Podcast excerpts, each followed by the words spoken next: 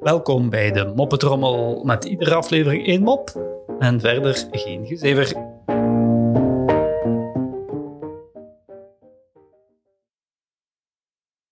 De pastoor gaat op huisbezoek bij Johnny en Anita. Ze zijn een jaar getrouwd. De pastoor informeert ehm, nog geen kinderen hier.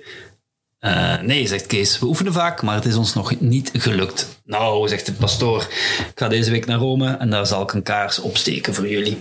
Vijf jaar later gaat de pastoor weer eens op huisbezoek. Ehm, en eh, Anita, hoe gaat het hier? vraagt de pastoor. Goed, meneer pastoor, we hebben vier kinderen. Ons Shania, Kelsey, Cindy en Moppie.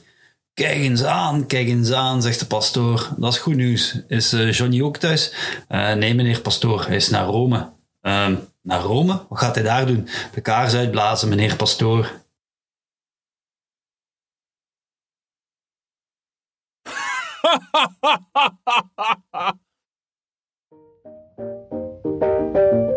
Zo, dat was de moppetrommel voor vandaag. En tot morgen.